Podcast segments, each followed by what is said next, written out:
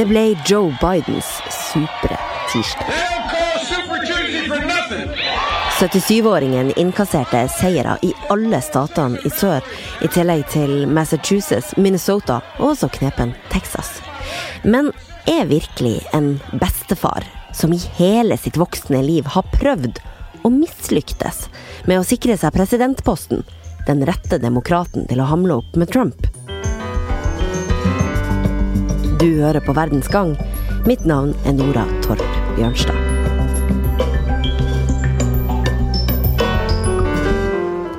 Rådgiver i Civita og lidenskapelig USA-kjenner Eirik Løkke, hvor overraskende er det at det er Biden som nå peker seg ut som favoritt til å bli demokratenes presidentkandidat? Det er veldig overraskende. Personlig så hadde jeg nesten avskrevet han. Jeg tror kanskje å si at jeg egentlig hadde avskrevet han, og egentlig sa nå må du snart trekke deg, eh, Biden, for det han hadde vært veldig Han hadde holdt på ett år og vært med budskapet han er den beste til å slå Trump, og hadde nærmest motbevist det dag for dag ved å være dårlig i debattene, uten å ha noe klart budskap, eh, og rett og slett ikke greie å engasjere det demokratiske partiet.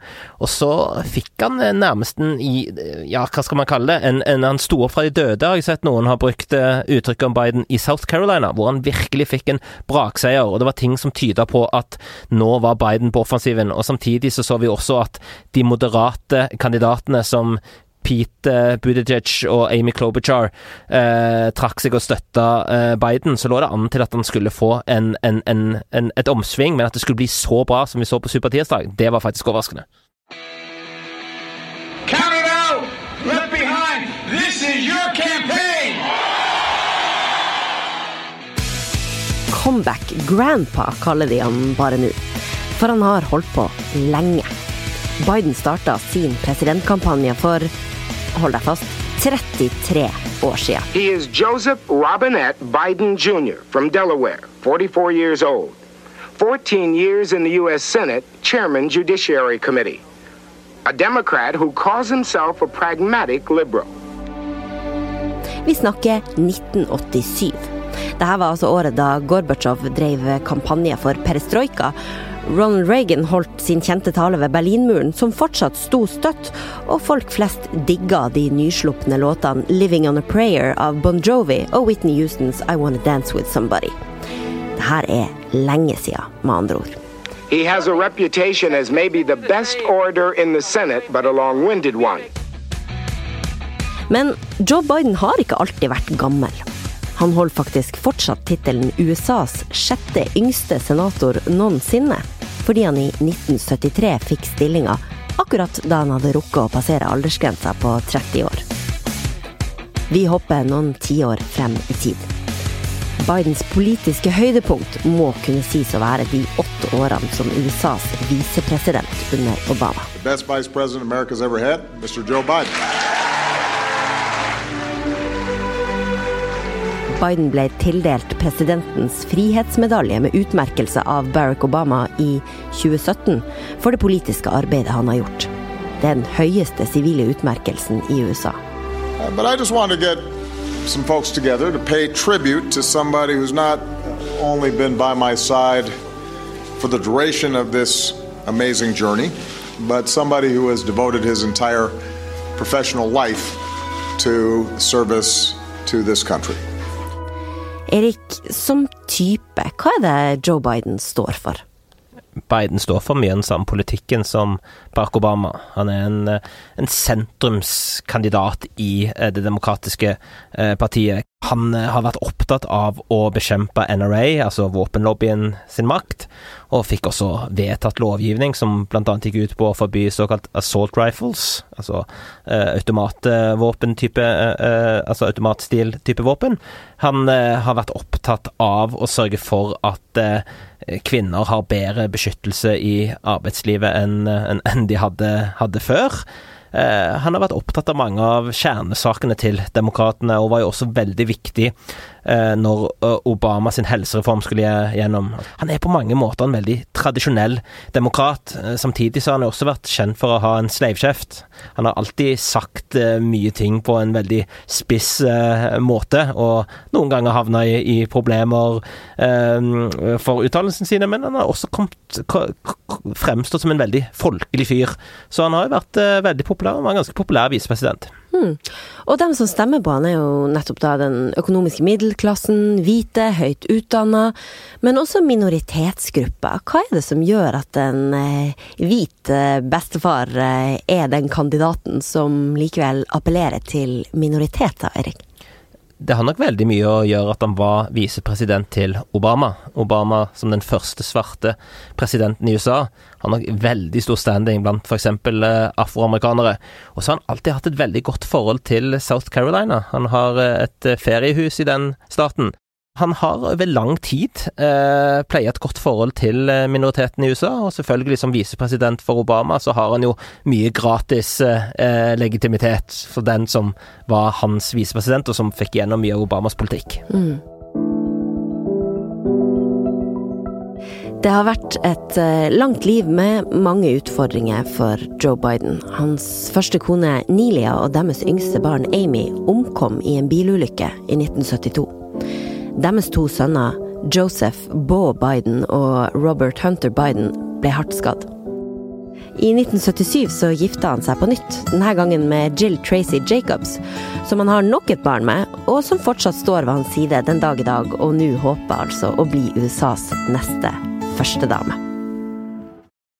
Et langt liv bak seg har altså Joe Biden, helt klart. Eh, Erik, hva er det som er Bidens svakheter, vil du si?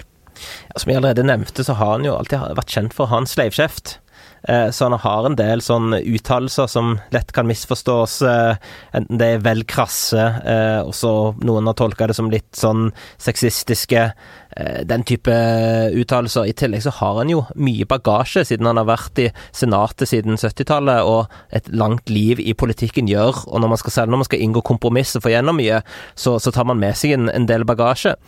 I tillegg så begynner han jo å bli gammel, og han fremstår jo akkurat så gammel som han faktisk er i debattene på, eh, i kampanjen når han er på folkemøter. Go, you know the, you know. Ja, nå hører vi et lite klipp av eh, Biden her som har eh, virkelig tatt av på, på YouTube. Hva er det som skjer her, Erik? Det er jo et eksempel på at Biden rett og slett glemmer ord.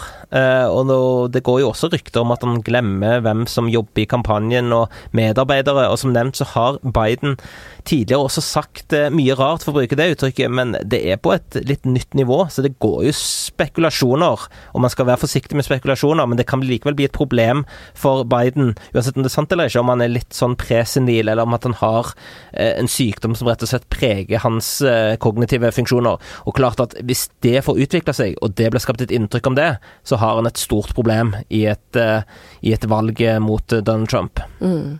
Ja, Donald Trump er jo rimelig nådeløs med alle sine politiske motstandere. Joe Biden er inget unntak. Nå skal vi høre hvordan han plukker fra hverandre demokraten her. I don't like to be repetitive. Like Sleepy Joe, where he says the same thing four different times.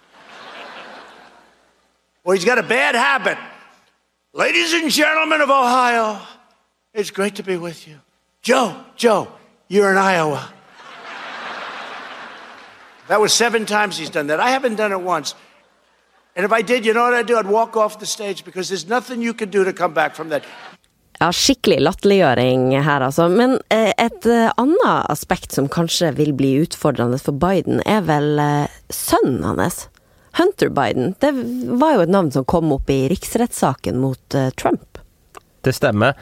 Bakgrunnen for dette er at Hunter Biden eh, påtok seg, eh, eller fikk en stilling i eh, Burisma, som er et ukrainsk energiselskap.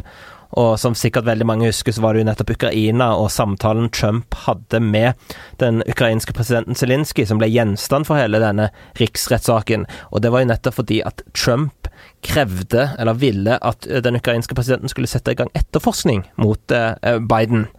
Eh, og det var foreløpig, for det vi vet, og slik jeg tolker det, så er det har ikke Joe Biden gjort noe ulovlig, eller sågar utøvd noe som helst dårlig dømmekraft. Men det er klart at Hunter Biden som i en situasjon hvor USA og da Joe Biden personlig var involvert i å, å legge press på Ukraina for å, å, bedre situasjonen med korrupsjon, så var det ikke spesielt smart å få Jeg vet ikke hvor mange tusen dollar det var snakk om, men det var mange tusen dollar som han fikk for å sitte i dette energiselskapet Burisma, eh, og, og som de fleste påpeker, så har ikke han noen sånn særlig god bakgrunn fra eh, energisektoren. Så man kan jo mistenke at eh, han fikk den stillingen i kraft av å være sønnen til Joe Biden. Og dette kan bli et problem inn mot valgkampen. Selv om Joe Biden personlig ikke har gjort noe gale, så var det utrolig dårlig dømmekraft av sønnen. Mm. Nå skal vi tilbake til eh, den uka her igjen, eh, og supertirsdag. Joe Bidens argeste konkurrent, kan vi vel kalle han, eh, den demokratisk-sosialistiske Bernie Sanders. Hvordan kan man si at det likevel også var Bernie Sanders sin natt, natt til onsdag? Han gjorde det jo veldig godt i den mest folkerike staten California. Eh, og på den måten så er det jo mange i, i Bernie-campen som prøver å spinne dette som Bernies uh, uh, supertirsdag. Men det er klart at uh, Bernie Sanders hadde nok håpa på å ha gjort det enda bedre enn det han gjorde, og det er jo veldig tydelig at Eh, det partiestablishmentet, eh, de sentrale demokratene, la veldig press på Pete Buttigieg, Amy Klobuchar, om at de måtte trekke seg og nå konsolidere seg rundt Joe Biden. Today, I am ending my campaign and endorsing Joe Biden for president. And I'm delighted to endorse and support Joe Biden for president. Tomorrow, March 3rd, 2020. I will be casting my ballot for Joe Biden. Så dette, Biden sitt oppsving kan jo vel så mye ses på som en reaksjon på Bernie Sanders, mer enn at Biden er den ideelle kandidaten i seg sjøl. Det er jo mange som sier ja vel, Biden er tydeligvis det beste vi har, så vi får gå med han hvis vi ønsker å stoppe Bernie Sanders. Og det er det mange i Det demokratiske partiet og establishmentet som ønsker. Hvor utfordrende er det for Det demokratiske partiet at uh, man nå ser to sånne leirer forme seg? Det er veldig utfordrende. Vi så jo tendensen til det, eller ikke bare tendensen, vi så det helt klart i 2016 mellom Hillary Clinton og Bernie Sanders. Og selv om Hillary Clinton vant, det veldig klart med flere millioner stemmer, flere enn Bernie Sanders, så var det likevel en veldig sånn rivalisering. Og det er jo veldig tydelig også at uh, det er en deling på alder her. At de yngste de går i retning av Bernie Sanders, mens de eldste uh, foretrekker Joe Biden.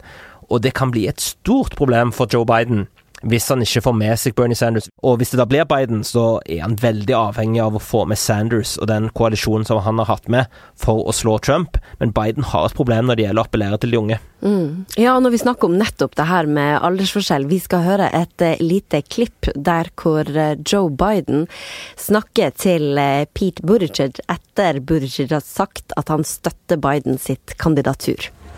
I don't think I've ever done this before, but uh... He reminds me of my son Bo. Uh, and I know to, that may not mean much to most people, but to me it's the highest compliment I could give any man or woman.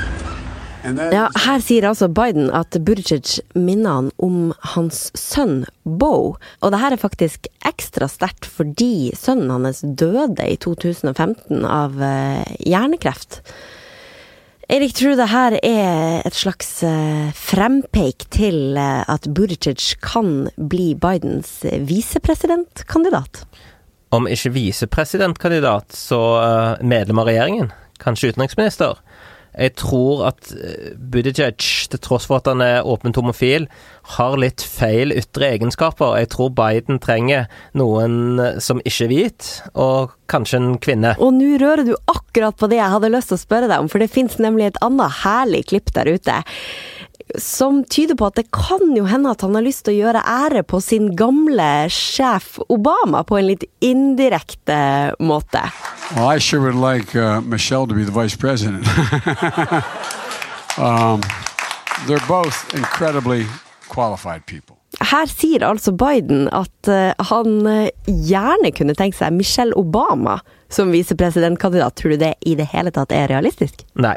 Det tror jeg ikke. Først og fremst fordi jeg ikke tror at Michelle Obama ønsker det. Det var jo veldig lenge en stund mange som ønsket at Michelle Obama skulle stille som presidentkandidat for Demokratene. Eh, og hun har jo utrolig høy sånn favorable ratings. Det er mange som liker henne. Det har nok litt å gjøre med rollen som, eh, som førstedame, og det at du ikke går rundt og skal mene så mye politisk. Da er det enklere å, å, å bli likt. Hvis du tar politiske posisjoner i saker, så får du fort eh, mange eh, mot deg, og det ville også sett veldig dårlig ut i en tid hvor særlig Sanders da er en skikkelig utfordrer til establishementet om det skulle blitt en ny Obama. Men det finnes andre flinke afroamerikanske kvinnelige kandidater, og det tror jeg at Joe Biden vil kunne se etter hvis han da skulle få nominasjonen. Ja, det blir jo one to watch, akkurat det der. Eh, Erik, hva betyr det her eh, brakresultatet for Biden eh, etter supertirsdag, for den videre gangen nå i demokratenes primærvalg? Det har i grunnen skifta hele momentum og hele dynamikken i den demokratiske eh, nominasjonsprosessen. Før Super Tuesday så var Sanders favoritt til å vinne.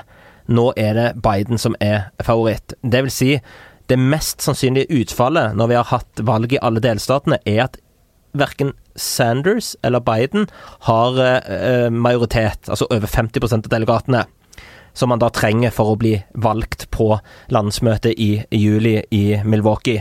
Og Det betyr at man kan ende opp, eller det mest sannsynlige er at man ender opp med et såkalt brokered convention. Og Det betyr veldig enkelt at ingen av kandidatene har over 50% Men skulle det bli et brokered convention, og uh, tingene er som det ser ut nå, så er det mer sannsynlig at Biden ligger godt an og har flest stemmer enn uh, Bernie Sanders. Jeg tipper vi blir nødt til å invitere deg tilbake når det nærmer seg sommeren for å snakke om brokered convention og superdelegater. Men Erik, så det, det hele koker ned til. Hvis det nå blir Joe Biden som blir demokratenes presidentkandidat, kan han, har han evner som gjør at han kan slå Donald Trump? Ja, det har han, men det er mange ifs her. Vi har jo vært inne på noen av de hvordan er egentlig situasjonen til Biden med tanke på hans eh, evne til å huske ting, til å gjøre ting? Altså, er det noe i disse spekulasjonene om at han er i ferd med å bli litt senil? Eh, hvis man får veldig mange situasjoner, enten i debatt med Trump, hvor han sier rare ting, eller på eh, folkemøter, så er det klart at det kommer til å telle negativt. Og dette er jo en bekymring veldig mange i det demokratiske eh, partiet har. Men hvis dette skulle gå veldig bra, og, og han greier å holde seg mer eller mindre på matta, og iallfall ikke har for mange av disse eksemplene, så er jo Biden en som kan appellere til en eh, koalisjon som kan ende opp med å slå eh, Trump. Så det, jo, det, det kommer nok uansett til å bli veldig jevnt, fordi at USA i den nåværende situasjonen det er veldig splitta land. Så du har de som kommer til å stemme på republikanerne uansett, og de som kommer til å stemme på demokratene uansett. Og så spørsmålet hvor mange er det imellom? Hvor mange er det som blir hjemme? Uh, og hvor mange er det som velger å stemme? Uh, jeg tror uansett at dette kommer til å bli jevnt, og jeg tror at Joe Biden kan vinne, men uh, det er langt fra helt sikkert. Om ei uke så fortsetter delstatsvalgene i 16 nye delstater, så det her er langt fra over og fortsetter å være god politisk underholdning for eh, alle oss som er interessert. Hjertelig takk til deg, Eirik Løkke fra Civita, for at du kom hit til oss i Verdens Gang i dag. Jeg som har vært i studio sammen med deg, heter Nora Torp Bjørnstad, og lager podkasten Verdens Gang sammen med Emilie Hall Torp, Tor Erling Tømtrud, Kristine Hellesland og eh, teknisk produsent, som er Magne Antonsen. Hør på oss i morgen også, for eh, hver eneste dag så ligger det klart en rykende